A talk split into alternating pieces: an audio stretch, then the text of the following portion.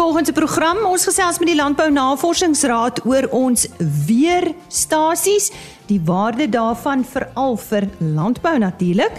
Dan praat ons ook met die Landbou Navorsingsraad oor inheemse of tradisionele groente. Maar rog sal dalk 'n klokkie lui, so ons uh, vind so 'n bietjie meer uit oor daardie plant spesifiek en natuurlik hoe om dit ook gaar te maak. En Hendrik Victor staan by met ons nuutste wolpryse vanaf veilinge daar in Port Elizabeth. My naam is Lise Roberts en jy is weer ingeskakel vanoggend vir RSG Landbou. As jy die eerste keer saam met ons kuier, baie baie welkom. Die volgende halfuur of so is vol landbou nuus. Ons begin met landbou nuus en dit is nuus vanaf die Suid-Afrikaanse Landbou Masjinerie Assosiasie trekkerverkope van 724 eenhede in September is byna 30% meer as die 561 eenhede wat verlede September verkoop is. Vir die jaar tot dusver is trekkerverkope nou ook byna 30% meer as vir die ooreenstemmende tydperk verlede jaar. 21 stroopers is in September verkoop 10 eenhede meer as die 11 eenhede wat verlede September verkoop is. Vir die jaar tot dusver is stroperverkope nou byna 30% meer as verlede jaar. Sentiment in die mark bly positief en kommoditeitspryse bly bestendig. Die vroeë reëns het daartoe gelei dat sekere boere veral in die oostelike dele begin het om somergewasse aan te plant. Vooruitsigte vir wintergewasse is bemoedigend en dit word weerspieël deur goeie stroperverkope in die Wes-Kaap.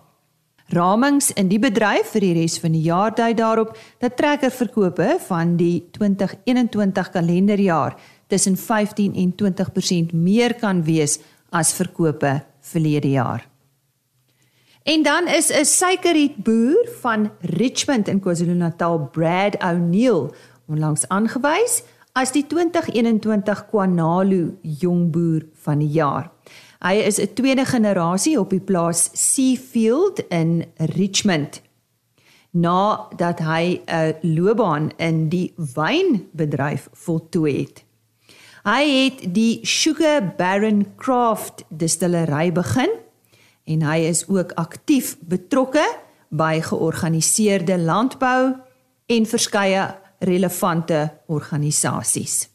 Hy dring natuurlik mee tot die finaal wanneer ons later in die jaar sal hoor wie is die Toyota SA Agri SA jongboer vir 2021. Ek sal nog op RC landbou met hom praat en dan dink ek het ons met elke provinsiale wenner op RC landbou gesels. Dis dan vir eers die nuus. Ons sluit nou aan by Heinrich Victor met ons nuus oor wolpryse. Ons sê vir die hartlike goeiemôre uit die OVK wolkantoor waar ons ouer gewoonte so 'n bietjie wolsake gaan gesels. Nou die 8ste wolveiling van die seisoen het op 6 Oktober plaasgevind en die Cape Wool Merino aanwyser het met 2.5% gedaal teenoor die vorige veiling en teen 'n skoonprys van R163.40 per kilogram gesluit. Nou die Australiese EMI het egter stabiel gebly teenoor die vorige veiling en het sywaarts verhandel. Die rand het ooreenstemmend dieselfde tyd van die vorige veiling 0.7% swakker verhandel teen die FSA dollar, maar het 0.3% versterk teen die euro.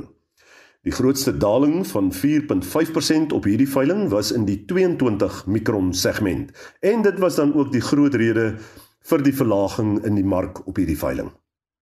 Nou Fynderwol het steeds bo die gemiddeld verhandel. Modiano het op hierdie veiling die grootste hoeveelheid bale gekoop, gevolg deur Standard Wool SA, Lempriere SA en Tianyu SA. Daar is in totaal 7522 bale aangebied, waarvan 94.4% verkoop is en 74% daarvan merino wol was en 60% daarvan was fyner as 20 mikron. Nou gesertifiseerde wol het 37.8% van die aanbod uitgemaak. Nou kom ons kyk na die gemiddelde skoonwolpryse vir die seleksie binne die volgende of verskillende mikron kategorieë. En dit is dan nou op lang kamwol tipes of MF MF5 tipes dan nou. 18 mikron styg met 1.8% en sluit teen R248.60 per kilogram. 19 mikron verhoog met 0.8% en sluit teen R206.35 per kilogram. 20 mikron is 2% op en sluit op R166.94 per kilogram. 21 mikron verlangsaam egter met 1.8% en sluit op R162.25 per kilogram. En dan laastens 22 mikron soos reeds genoem daal met 4.5% en sluit op R139.41 per kilogram.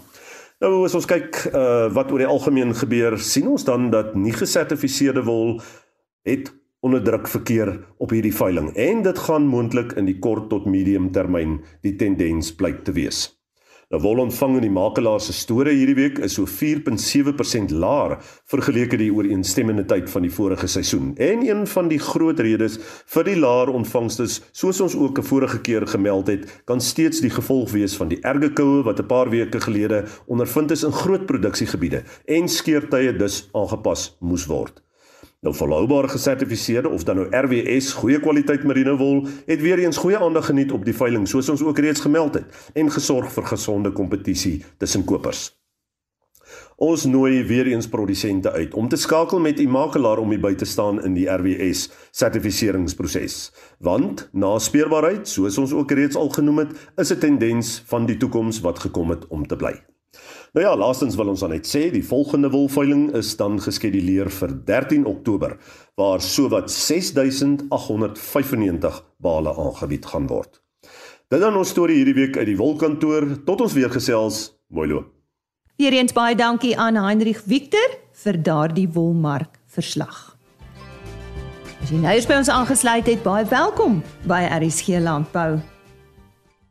Ons gesels nou oor die weer altyd 'n interessante onderwerp as dit kom by algemene besprekings en soveel te meer vir landbou. Ons kan natuurlik nie sonder akkurate weervoorspellings uh, probeer plant of ploeg nie en uh, veral vir hierdie tyd van die jaar met ons somerreënvalgebiede wat 'n heerlike reën vooruitsigte het. Ons gesels vandag met Chris Kemfer, hy is van die Landbou Navorsingsraad. Chris, ons praat oor die waarde van 'n uh, 'n weerstasie netwerk. En ek is seker daar's 'n paar feite waarvan ons nie bewus is nie. Deel so 'n paar interessante feite met ons. Ja, die die die ehm um, Landbou Navorsingsraad het 'n hele paar weerstasies en uh, mense besef nie waarvoor word hierdie gebruik nie. Ehm um, ons kry uh, weervoorspellings en wonder nou maar waar kom dit vandaan.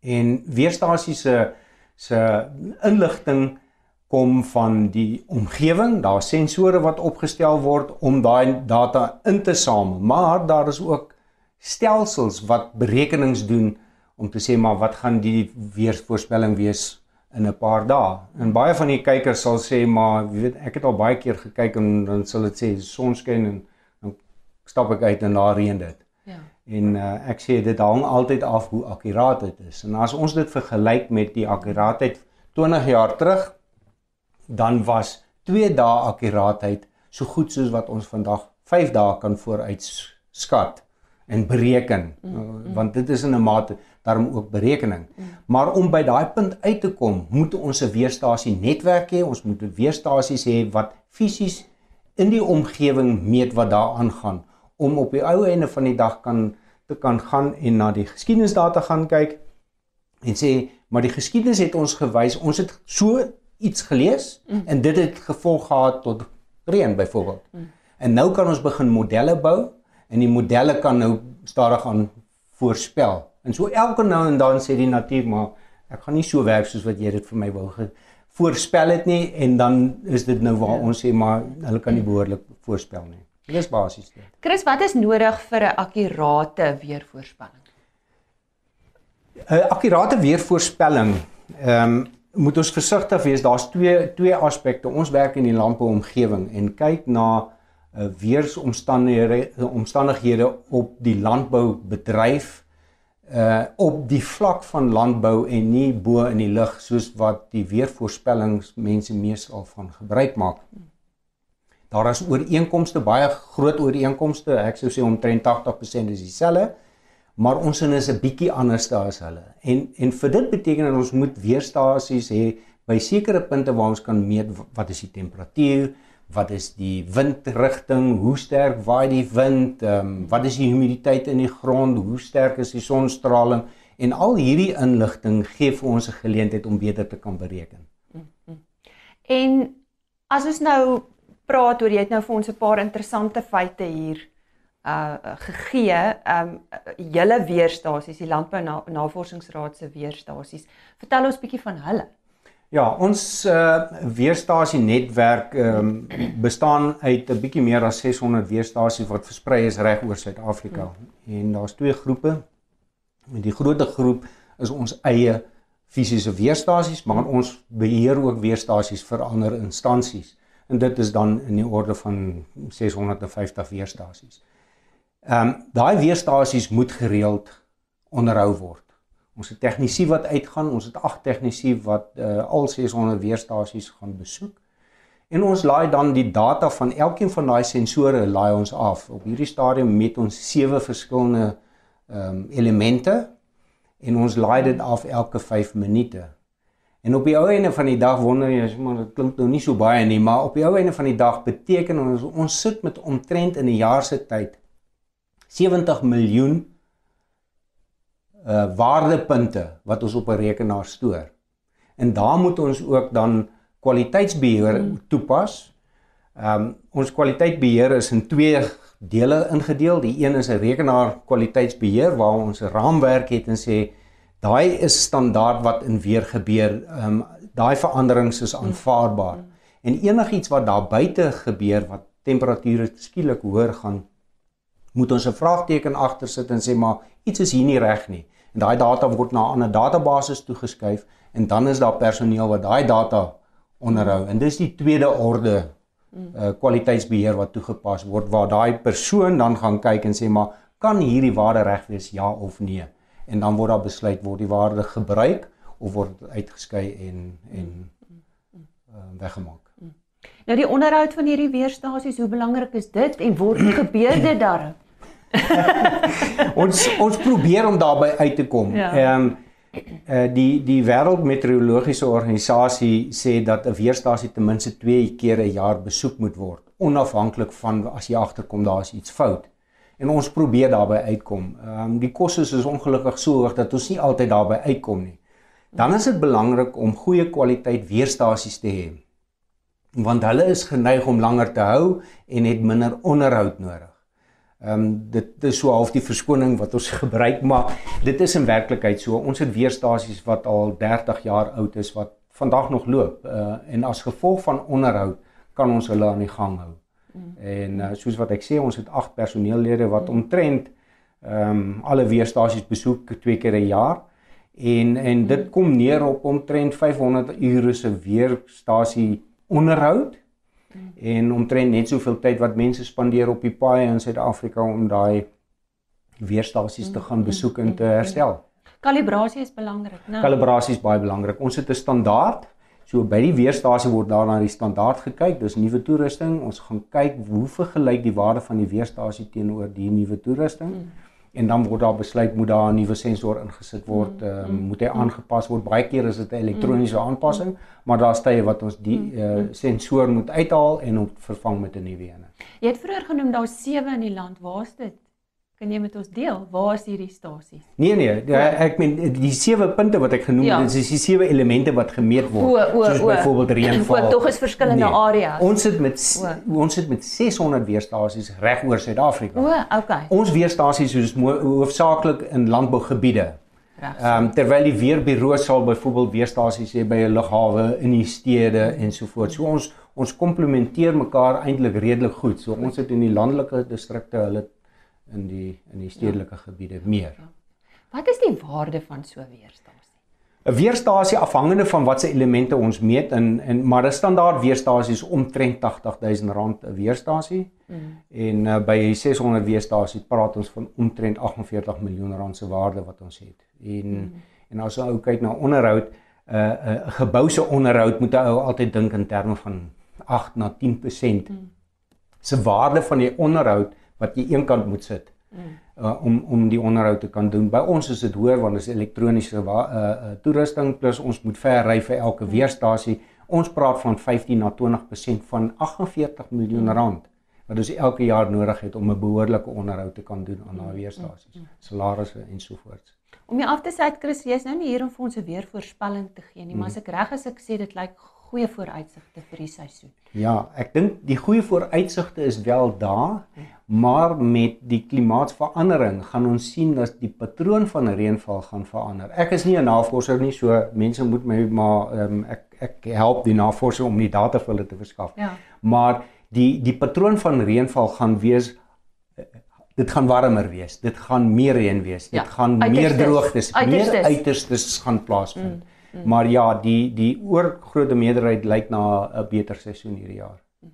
Dankie vir jou tyd. Dis 'n plesier. Jy jou kennis oor weerstasies met ons kon Baie deel. dankie, baie en ek is dan dankie. bly om te hoor dat dit goed onderhou word. Ja, ons probeer. Suid-Afrika is Ek- dit Ja, ek dink ek dink onder omstandighede doen ons baie goed. Ja. Dis dan 'n onderhoud wat vroeër opgeneem is met Chris Kemfer van die Landbou Navorsingsraad oor ons weerstasies. Voor ons voortgaan met ons program, ons herinner jou net dat ons onderhoude op www.agriorbit.com beskikbaar is. Kyk net bo aan die bladsy onder podcast en dan RSG Landbou. Elke datum word daar apart gelys met die onderhoude ook afsonderlik. Die volledige program natuurlik ook op rsg.co.za beskikbaar. En aan die einde van die vandag se program sal ons ook vir julle ons e-posadres deurgee. Ons gaan voort. Suid-Afrika is ryk aan inheemse en tradisionele groente en dis waaroor ons vandag gesels met Dr Willem Jansen van Rensburg. Hy's verbonde aan die Landbou Navorsingsraad. Willem, wat is inheemse of tradisionele groente?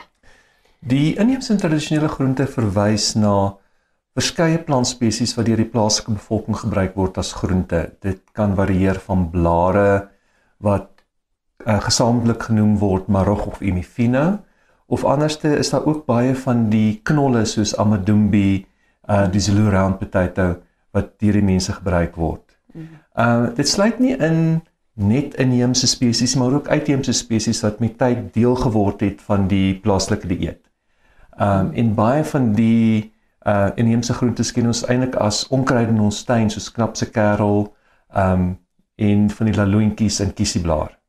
En hierdie gaan al jare terug in die geskiedenis. Baie jare terug, daar's Ja. 'n storie dat van die knapse kerel het ingekom saam met die uh perdevoer met die Britse weermag. Mm. En van daar af het dit deel geword. Uh dit het begin groei en die plaaslike bevolking het dit be- begin gebruik in hulle dieet. Saam met die kakies. Saam met die kakies, ja. Dis waar die woord kakie uh kakiebos vandaan nou kom. Ja. Hoekom gesels ons daaroor vandag? Waarom is inheemse en tradisionele groente belangrik? Ek dink die belangrikste is dis deel van ons kultuur, dis deel van ons erfenis, maar dit is ook baie voedsaam. Dit is ryk aan mikronutriënte soos ehm um, yster, folinsuur, Vitamien A en Vitamien C en dis daarom 'n baie belangrike rol wat kan speel in voedselsekuriteit. Ehm uh, nie net in landelike areas nie, maar ook in stedelike areas. Ehm um, ook soos die madumbies het 'n baie fyn stysel wat maklik verteer kan word, so dit is, kan ook baie goed wees om voedsel vir kinders te wees. Ehm um, en oor tyd het baie dit het lank terug was dit ehm um, bekend gestaan as armanskos. As jy nie kan vleis kostig nie, eet jy marog of imifine. Mm. Maar dit is besig om te verander en dit raak al hoe gewilder. En oor tyd het dit van geword van 'n gewas wat ehm um, mense net in die veld harvest wat hulle nou begin verbou. En ons het verskeie proewe by die uh, Landbou Navorsingsraad al gedoen om te kyk na die verbouing van ehm um, die inheemse groente. So dis daarom nie iets wat uitsterf nie. Nee, glad. Met die nie. verstedeliking en Nee, glad mense nie. wat meer westers eet.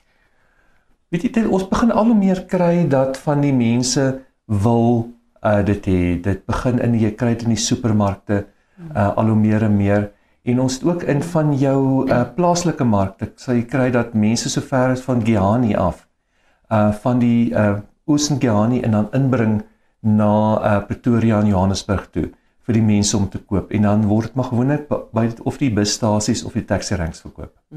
Kom ons gesels oor Marokko. Hoe hoe kan dit verbou word? Maar rog is eintlik baie maklik om te verbou. Dit groei in alle gronde, maar dit verkies 'n uh, sanderige leemgrond. Dis nie nodig om bemesting te gee nie, maar stikstof of 'n uh, goeie kraalmis sal uh, dit baie goed doen. Dan is dit ook ehm um, dis oor algemeen baie droogtebestand, maar as die jong plantjies nog uh, besig is om te vestig, dan kan jy uh, moet dit water nodig. Mm. Maar langdurige droogtes gaan dit vroeër laat blom, so jou oes gaan baie laag wees. En die beste tyd om hom te oes is uh, vroegoggend laat aand om te keer dat die blare nie uh, verlep nie. Jy kan ook begin oes van 'n trend so 6 weke nadat jy geplant het tot bytelmal 2-3 maande nadat jy geplant het tot die plante te oud en te veselrag begin word. Is ek reg as ek sê dit is amper so spinasie? Is dit 'n baie... familie van spinasie as mens dit so kan stel amper? Dis baie so spinasie. Ja. Ook 'n 'n 'n groen blaargroente. Meeste van is 'n gro groen blaargroente. Die inheemse knolgroentes het meestal uitgesterf. Hmm. Maar die blare is baie gewild. So kry mens verskillende tipes maar ook? Ja, weet jy die gewildste in Suid-Afrika en wat die meeste wyd versprei word is amarant wat ook tepe of imboya genoem word. Mm. Ehm mm. um, dit word omtrent oral oor gebruik.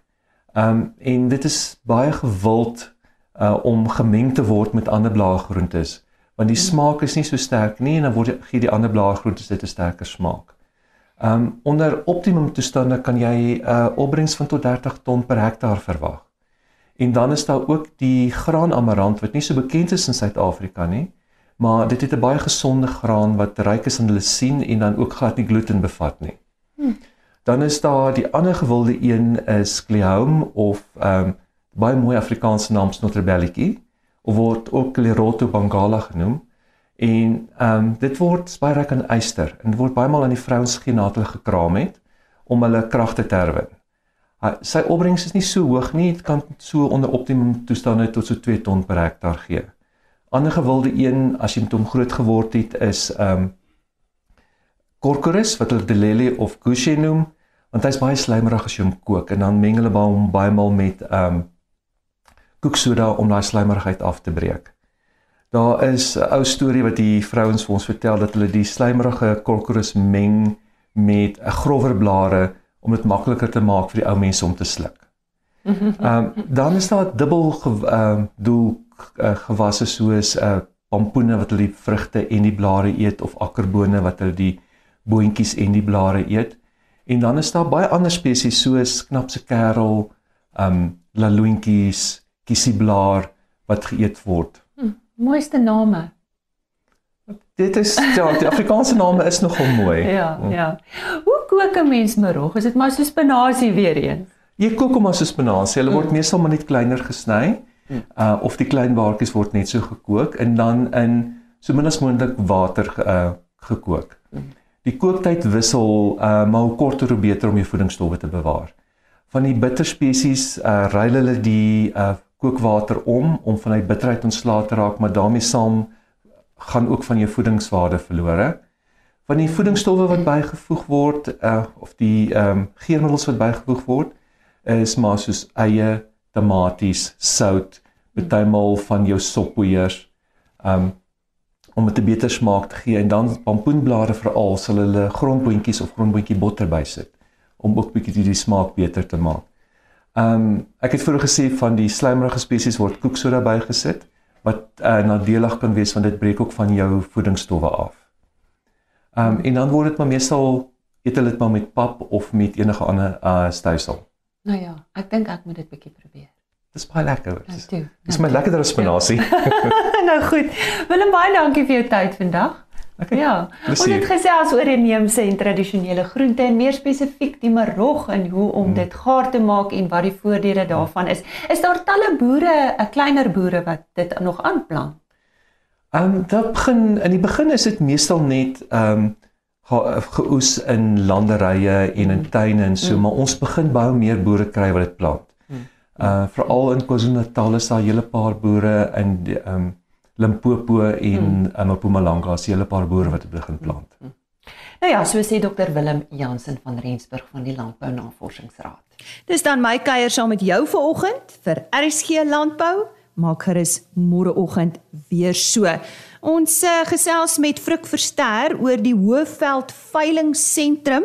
natuurlik 'n splinternuwe veilingsentrum daar buite Standerton en uh, ons hoor wat hulle vir die verskillende rasgenootskappe bied. Dan praat ons met Dio Boshoff van Agbiz oor ons nasionale infrastruktuurplan vir 2050. Ja, water, elektrisiteit, logistiek soos paaie, spoorweë, hawens, ons gesels daaroor môreoggend op RSG Landbou. En uh, die sewe doodsondes van bosbeheer. Dit is Dr. Louis de Pisani se onderwerp van bespreking. Wat is belangrik as bosbeheer toegepas moet word? Lekker baie om na uit te sien. Ons e-posadres rsglandbou@plaasmedia.co.za. Sterkte vir die res van jou dag. Tot môre. Totsiens.